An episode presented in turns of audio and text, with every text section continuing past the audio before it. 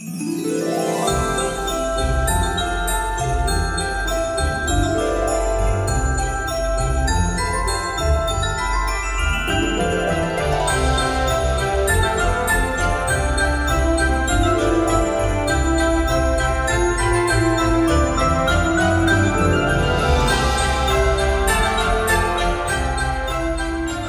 välkomna till Högräntepodden avsnitt 12. Det är jag som är Stefan. Gustav Andåker. Och så har vi Lars Möller med oss idag. Igen faktiskt. Jättekul att du ville vara med. Tack så mycket, så roligt att vara tillbaks. Man blir lite, jag tror jag sa det innan vi körde igång, man blir nästan lite beroende av eh, poddandet. Det är väldigt skoj. Man, man blir tillfredsställd när man kommer hit.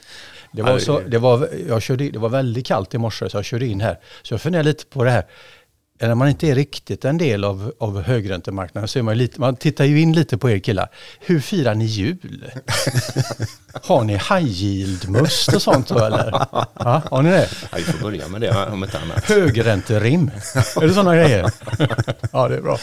Ja, det är bra. Det är bra. Nej men eh, Lars och Gustav, vi tänkte ju prata om eh, räntemarknaden. 2023, the comeback av räntemarknaden. Jajamän. Kan man prata om något mer sant? Ja, det är, det är, hög, det är högaktuellt ju. Spännande. Ja. Ja. Det är riktigt spännande faktiskt. Och, då, och då är det alltid lite roligt att man gör en liten tillbakablick va? Ja, och vi har ju så olika scope egentligen vi som sitter här. Vi, vi handlar ju framförallt high yield, Stefan och jag, medan du, du har ett helt annat uppdrag egentligen. Kan man jo, säga. men så är det ju. Jag är inte, till att börja med, jag är inte i, i marknaden så alls.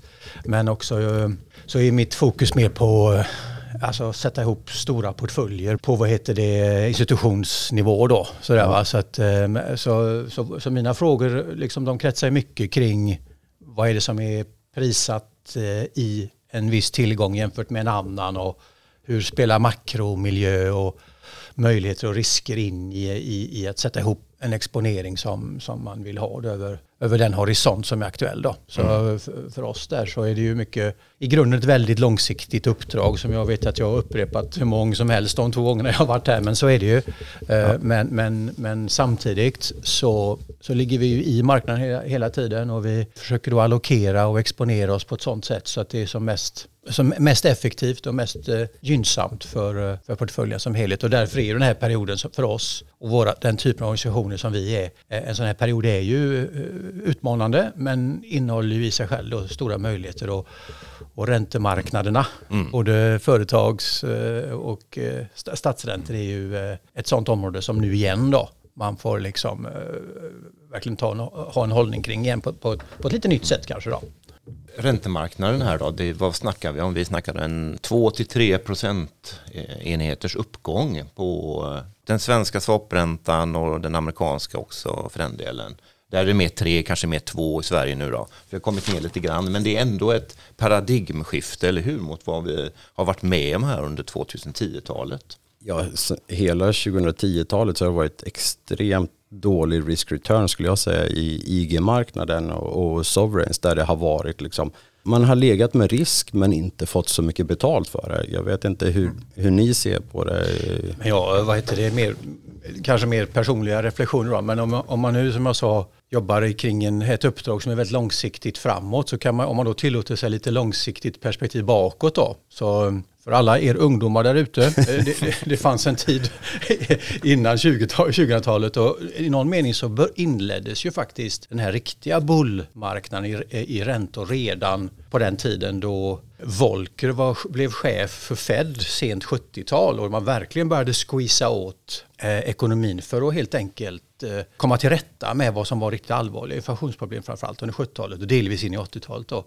Så när räntorna pikade ut någon gång där i i, i liksom sent 70-tal, tidigt 80-tal. Sen, sen dess om man bara tittar på liksom vad som har hänt så är det ju en, en sekulär resa neråt i räntor. Så av, avkastningen har ju fram till, ja, kanske fram till in till 2010-talet så där varit väldigt stark. Då. Sen, sen platåade det ut. Det var okonventionella penningpolitiska insatser, det var låg och svag, svag tillväxt och, och liksom begränsad dynamik. Så under de sista tio åren och så, så har ju hänt eh, väldigt lite avkastning och gradvis allt mer sämre skydd då för en investerare som, som också har mycket exponering mot till exempel aktier så har ju liksom inte räntemarknaden fungerat riktigt som den gjorde tidigare. Som en sorts eh, platta, en brygga då. Så, så det är väldigt nytt, väldigt, väldigt ny omständigheter igen då.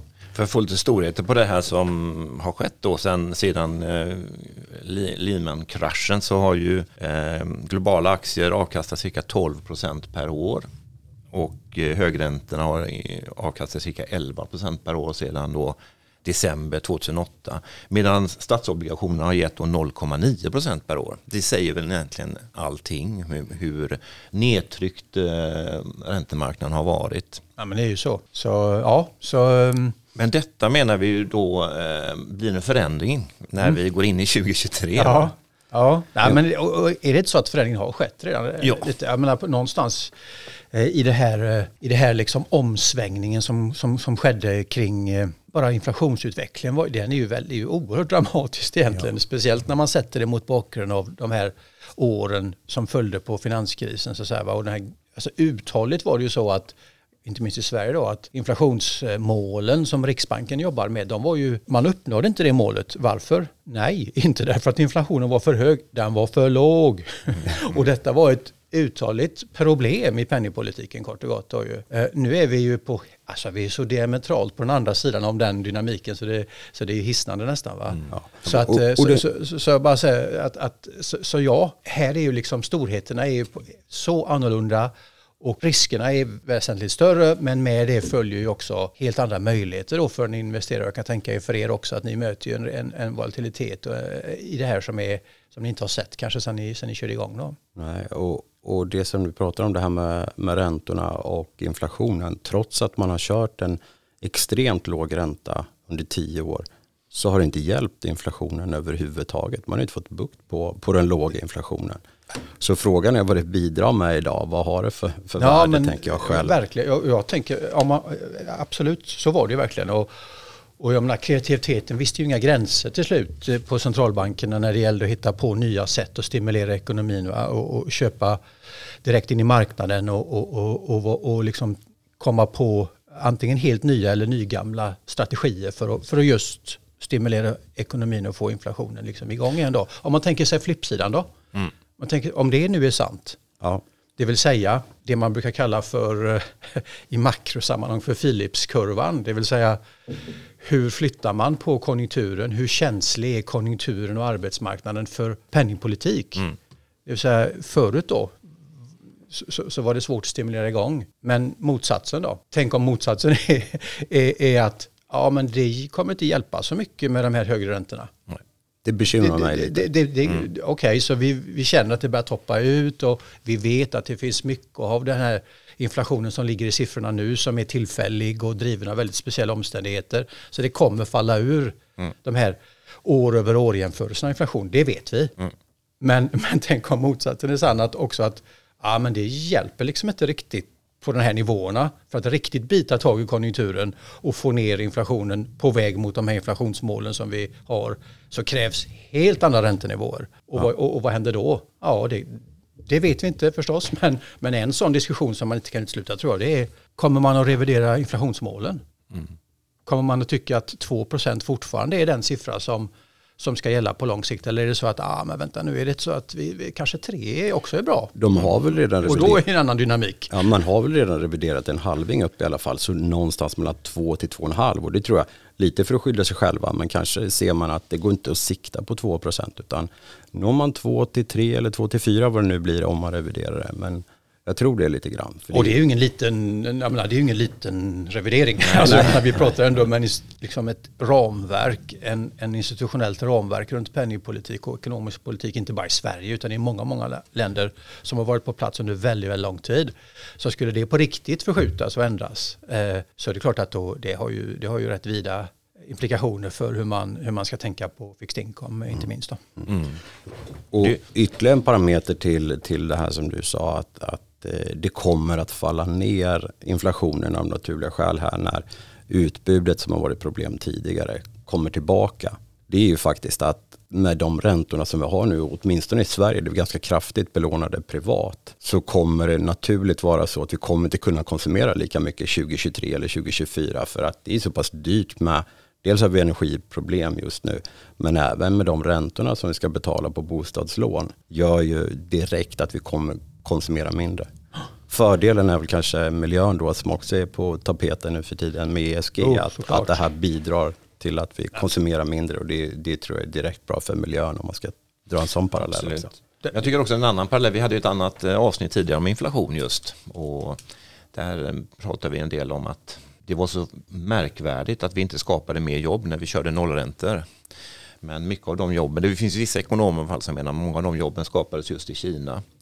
Men, men nu då så ser vi en reversering av den trenden att eh, många västbolag hellre flyttar hem produktion och Kina kommer tappa jobb istället. Så det kanske blir, det kanske finns en sån eh, strukturell flöde nu då av nya arbetstillfällen i väst som vi inte hade då på 10, 15, 20 år nästan under globaliseringens era. Som, som gör att det kommer vara högre inflation, det kommer finnas mer inflationspress här nu i väst än tidigare.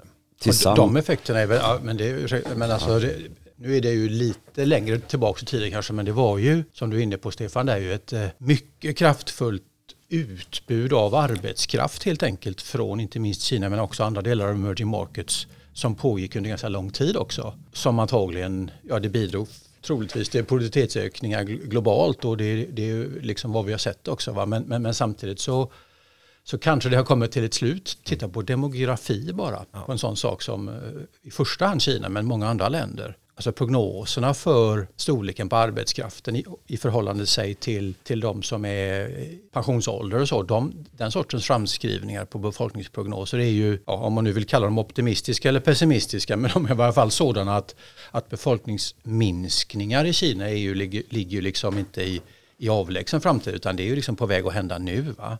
Så, så det är en stor bit. Vad, vad, betyder det för överhuvudtaget för global tillväxt? Och så här? Det, det är det ena. Och det andra tänker jag, apropå lite mer närliggande liksom, dynamik i finansiella marknader och sånt och vad som hände runt covid och så.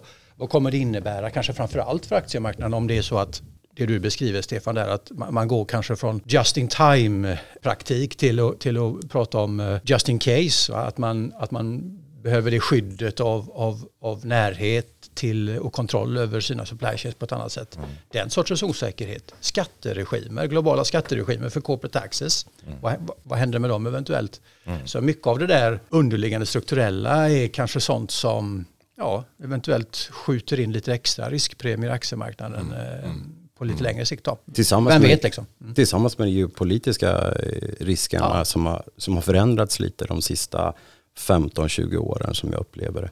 Det var ganska lugnt länge. Vi, vi gick till en globalisering där alla skulle handla med varandra och nu blir det mer och mer protektionistiskt från många stater. Liksom, där man försöker att skruva upp ja, importtullar och liknande. Det, det är lite absolut, problem vi har framför oss. Eh, absolut stort skifte. Men om vi går tillbaka till 2023 eh, mm. här då. Det var ingen som går tillbaka du får hela tiden Stefan. jag vill Sticker iväg här. Ja, ja. Ja. Nej, men ska, ska, ska företagsobligationsmarknaden sopa mattan med, med andra tillgångsklasser här 2023 eller vad, vad, vad tror ni? ja, det, ja, det måste jag nästan få svara på ja, Stefan, det vet ju jag svaret på. ja, men det är väl det är ju så. Jag menar, det, det, återigen, det, att ställa frågan är ju som sagt var eh, motiverad och den är väldigt ny. jag, menar, det, det, jag, jag, är, jag tror för egen del sådär att eh, Alltså om man tittar på, försöker någon sorts bild av relativa prissättningar över lite olika tillgångslag här då på räntesidan, alltså statsräntor och, och, och företagsobligationer å ena sidan och kanske aktier å andra sidan. Och så, där, så tycker jag det ser ut som att prisbilden är väldigt, väldigt eh, generös när det gäller hur man ska se på, eh, inte minst investment grade tycker jag.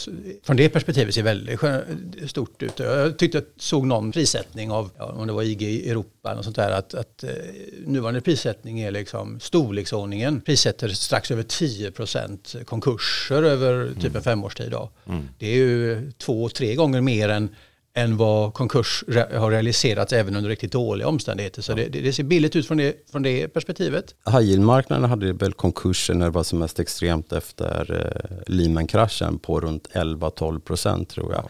Och det är ju den sämsta siffran någonsin i historien mm. hittills. Så, Vänta så... bara, det kommer värre, det kan vi vara säkra på. Ja, det är jo, vi pratar tänkte, om. Ja, men jag tänkte säga det när, när, vi, när vi kollar, vi som framförallt kolla på high yield. Vi har ju drivits längre och längre ut på riskskalan här för även där har ju liksom yielderna varit eh, ganska låga här 2021 och 2020. Så man, man, har kommit ännu längre ut och det har skapats ägarbolag till de, till de verksamma bolagen och där har man fått betalt och där har man varit och tagit risk. Eh, här tror jag att det kommer bli rätt stor skillnad om vi kollar. Liksom, det är inte alls säkert att man ska vara i single C eller där ute, för där tror jag man tar risk nu framåt när, när konkurserna ökar igen. Jag frågar en sak Stefan.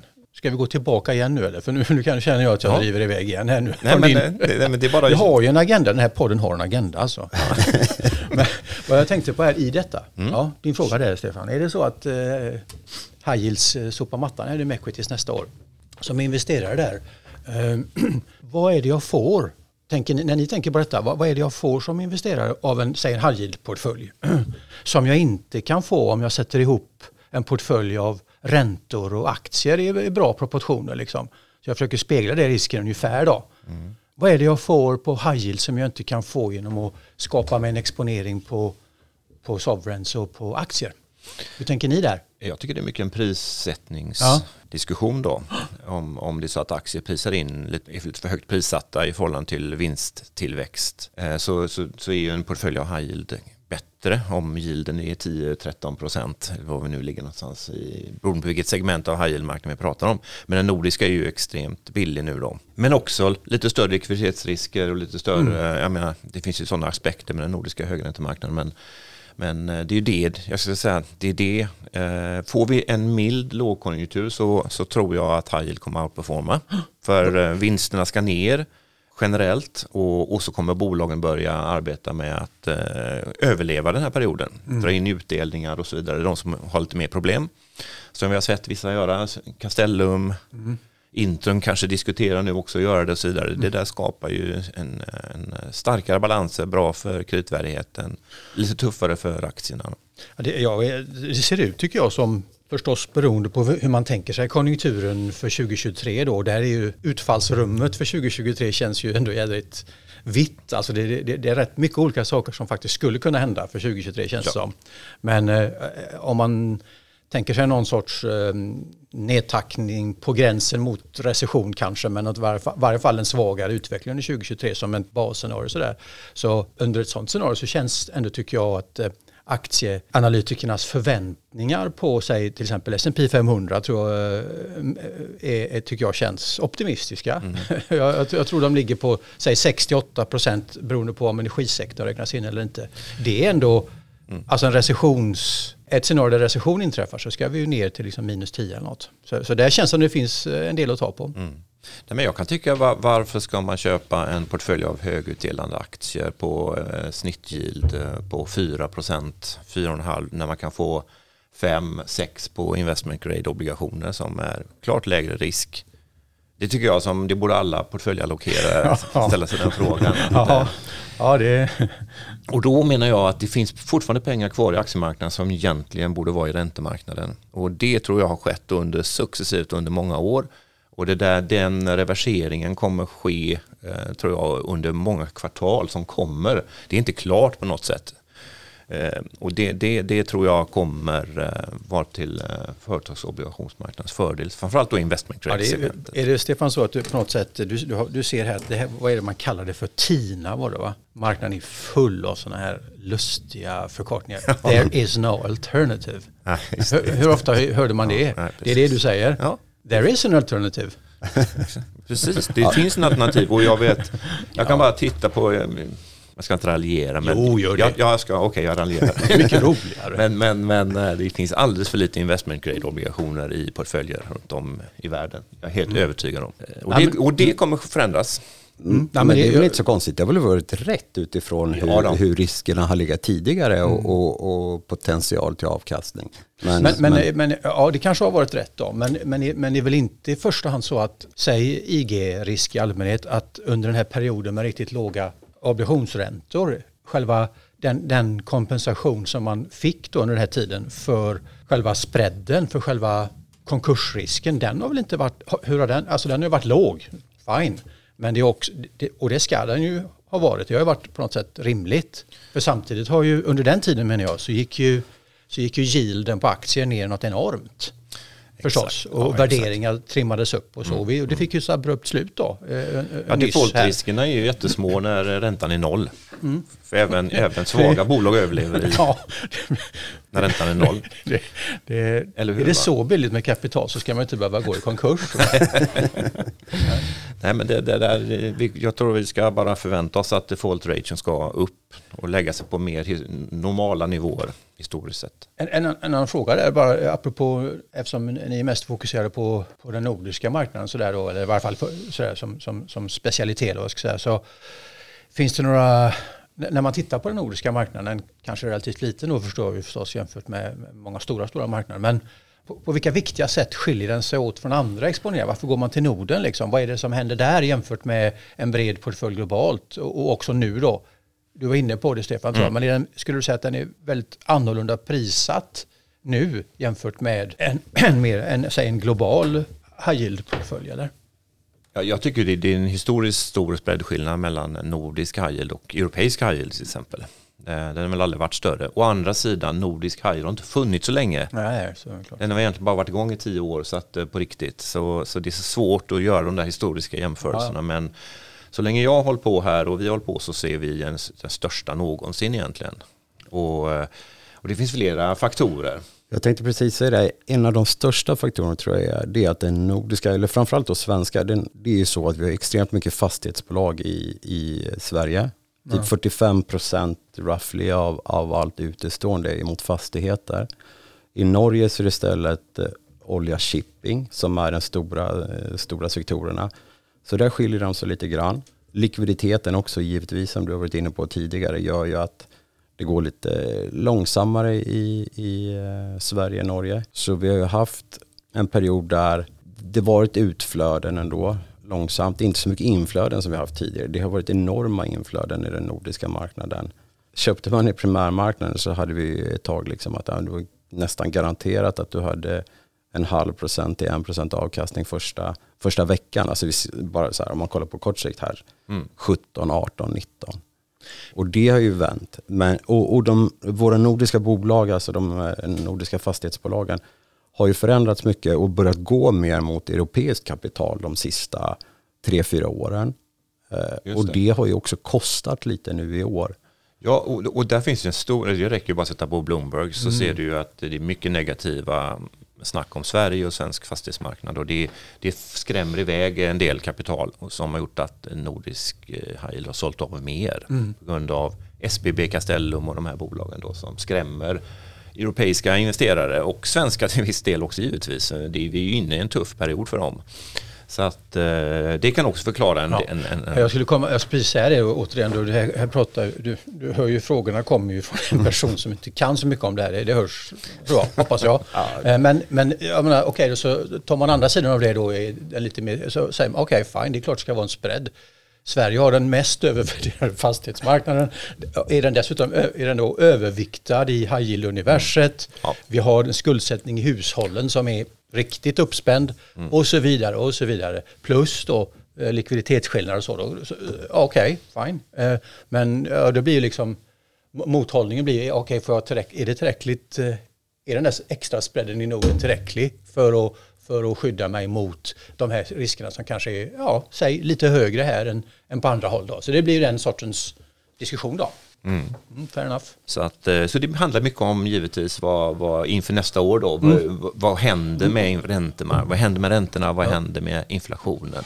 Det blir, väl, det blir avgörande givetvis. Och jag tror, jag tror personligen att många av de svenska fastighetsbolagen är så pass stora så de, de har en betydelse för bank. Bank är också intresserade av att finansiera dem framåt för de får man säga så, de har inte råd att de går i konkurs, de största spelarna. Bara det gör att de kommer vara villiga att finansiera dem, hjälpa dem på traven jag tror att vi har en extremt intressant marknad framför oss i, i nordisk high yield. Alltså. Ja, too big to fail. Mycket rörelser i alla fall då, i marknaden uppenbarligen då. Ja, absolut. Mot den här bakgrunden menar jag, för det, Ja. blir, det är ju lite av en cocktail ändå. Man hör ju här, man bara liksom Ja, känner hur det är, och, ja, att det är risker och möjligheter som hänger ihop här på något Ja. sätt. Ja, nu ser vi faktiskt- överhuvudtaget då. Nu ser vi att eh, internationellt kapital börjar komma tillbaka till den nordiska high yield-marknaden och, och direkt in i aktien också ska man säga i fastighetsbolagen. Dels så har vi en svag, eh, svag krona som, som eh, hjälper internationellt kapital liksom att få lite rabatt eller vad vi ska säga in i, i Sverige. Samtidigt som de då ser stora värden antagligen framåt här. Att det är ändå ett, man ska tänka på att Sverige är ett extremt stabilt land även om vi har en hög belåning då på våra fastigheter. Så som region är den stabil. Det är bra transparens, det är bra lagar runt omkring. Eh, men ska vi Håller du på och säljer high yield-obligationer till mig, eh, Gustav? Eller? Ja, jag tänkte väl att jag skulle hjälpa er på AP-fonderna in Ja. i rätt allokering här. Ja, men för, eh, det är väl ett perspektiv. Ett perspektiv på det här för en sån som, som, som vi är och som stora institutionella investerare och, och, och AP-fonderna kanske står i nästan i en särställning när det gäller, i varje fall i grunden, det, det långa perspektivet vi har. Det är ju det är inte unikt men det är speciellt. Så den här typen av marknader som har varit besvärliga för oss också naturligtvis på lite olika sätt. Då. Är man långsiktig investerare som vi och, och vi är uppsatta för att kunna klara av lång sikt och bland annat innebär det ju att när det blir en sån här kraftfull omprisning av alla möjliga tillgångslag och de sker inte liksom effektivt nödvändigtvis utan det finns en hel del andra investerare där ute som har mycket kortare horisonter än vad vi har. Då, då öppnar det sig upp väldigt stora möjligheter förstås för en som är riktigt långsiktig och som har tillgång till, till, till kapital och göra någonting med det då. Så, så på det sättet är ju kanske inte minst räntemarknaden liksom en, ett område som, som, som har erbjudit möjligheter för oss i, i, här, i den här miljön och, och, när vi, även när vi går framåt då så, så är det en sak att liksom ta ställning till och, och, och fundera igenom igen. Vad är prissatt på ett sätt som, som, som passar in liksom i, i vår portfölj och vår långsiktiga Ja, allokering då? Precis Lars, hur gör ni nu då med, inför det här som har hänt i räntemarknaden? Gör ni allokeringsskiften på AP-fonden? Ja, det, det gör vi ju. Det gör vi ju återigen då eftersom vi har väldigt lång horisont i vår, eftersom vi har så lång horisont i vår, eh, i vår förvaltning så sker ju allokeringsbeslut på lite olika, vad säga, både horisonter och nivåer i en organisation som vår. Då då. Så, så där det händer mest, det är ju det är ju den delen av vår allokering som kanske har den lite kortare horisonten eh, då förstås. Och även i, i vår aktiva förvaltning i respektive tillgångsklass då, både i, i statsräntor och, och i vad heter det, mm, företagsobligationsmarknaden. Då, då. Så, så där är vi ju eh, aktiva nu då och, och har, eh, har fått en, en miljö som, som många andra har fått tillgänglig här att jobba i som är, som är annorlunda kort och gott och som erbjuder stora möjligheter. Då. Ja, för det, I den noterade marknaden så kan du ju få fantastisk avkastning, eller förväntad avkastning i varje fall. Då. Eh, och, och, det, och det här att gå in i onoterat och sånt känns ju inte lika spännande nu. Utan för många ono- onoterade bolag kan få problem med finansiering och i den här tuffa miljön som vi går in i. In i. Så att det, jag kan tänka mig att en allokering mer och in i noterat. Ja, Men alltså överlag är det väl så Stefan och just när det gäller vår hållning till kreditmarknaden och så, så är vi ju aktiva på båda håll då, då både på noterat och onoterat. Men, men mer i, i allmänhet så kan jag väl hålla med dig i princip så att jag menar, den här miljön så har ju det likvida spacet eh, erbjuder lite nya typer av möjligheter. Eh, volatilitet är upp. Eh, Diversifieringsmöjligheterna är däremot lite kanske sämre för korrelationer och så mellan tillgångsklasser. I varje fall mer riskfyllda tillgångsklasser. De har ju mer eller mindre, de har ju gått upp då. Så, så värdet på att ha tillgång till likviditet har ju också gått upp då. Eh, Men återigen, vi har, väldigt lång, vi har en väldigt lång horisont då. Så, så för oss att, så att säga, sälja likviditet genom att knyta upp den på olika sätt, det är ju någonting som, vi, som är del av vårt sätt att, att eh, bygga en robust portfölj som vi kan tjäna pengar på. Då. Med det sagt då, så, så har ju däremot statsräntor en, i någon mening tillbaks till en, en eh, roll i portföljen där, man, där, där de igen kan tjäna som en, liksom en stabilisator. Då. Alltså här har vi lite fallhöjd nu. Går vi in i recession nästa år, säg, säg att de är lite sämre makroscenarier faktiskt skulle materialiseras här framöver så det verkligen blir stökigt på konjunkturen. Fed är klara, säger vi, de orkar inte med. Men det, det, det, det händer någonting i konjunktursättning efter, efter de här liksom höjningarna. Från de höjderna som finns nu på, på statsräntor så, så kommer det ju bli en, en bra avkastning och en bra liksom, diversifiering då mot aktier och kanske även mot high yield och, och, och annan, annan, annan mer riskfylld exponering. Ja. Men ska vi så här inför jul försöka spå hur mycket man tjänar på en, eh, en IG-portfölj under 2023? Ja. Är det double digit snackar om eller? Ja, ja, ja, det kan vara double digit, eh, Stefan. Jag, jag, är ju, eh, jag, jag har gissat klart för idag tror jag. Ja, Men jag lyssnar, jag, lyssnar, jag lyssnar ju gärna på era gissningar faktiskt. Ja. Nej, ja. Vad säger du Gustav? Var frågan på statspapper eller på Nej, IG? IG? Ja, vi har ju en underliggande ränta som har gått upp markant. Eh, vi har en spreadökning som har ökat dessutom. Jag tror att nordisk IG har en yield någonstans runt 6% idag. Mm. Och får du 6% plus att det här blir lite tuffare men inte jättetufft. Mm. Då är det så att räntorna kommer gå ner spreadarna följer med ner om, om de har varit lite för höga för det, det blev ju extremt snabbt som, som inflationen och, och räntan gick upp och det blev oro. Du har 6% plus något mer då i, i räntorna och kreditspreadarna. Det är ju att tangera på, ja, jag säger 9,14% för att vara lite ospecifik. Mm. Så nästan double. Högräntepodden när det är som bäst. Ja. Men jag menar, du menar att IG ska slå high yield nästa år?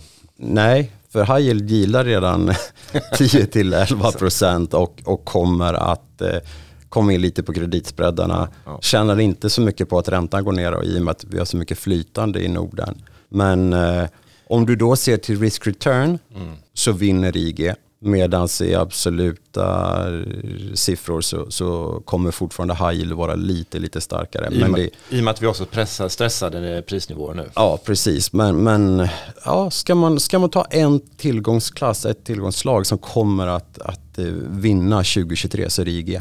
Och aktier kommer ligga runt nollan eller? Ehm, det är så här, det kommer ett litet... Nu, nu det, här kommer, det, det här kommer ju feta upp. Det, här ska, alltså, ja, det här ska ju sändas. Ja, folk ska väl lyssna på det här. Ja. Folk lyssnar på den här podden. Så, ja, ja. Ingen rådgivning. Och jag kan gärna gissa, men då får vi stänga av mickarna först. jag gissar på att vi har ett litet uppställ i, i Q1. folk är happy, det kommer in lite pengar och sådär.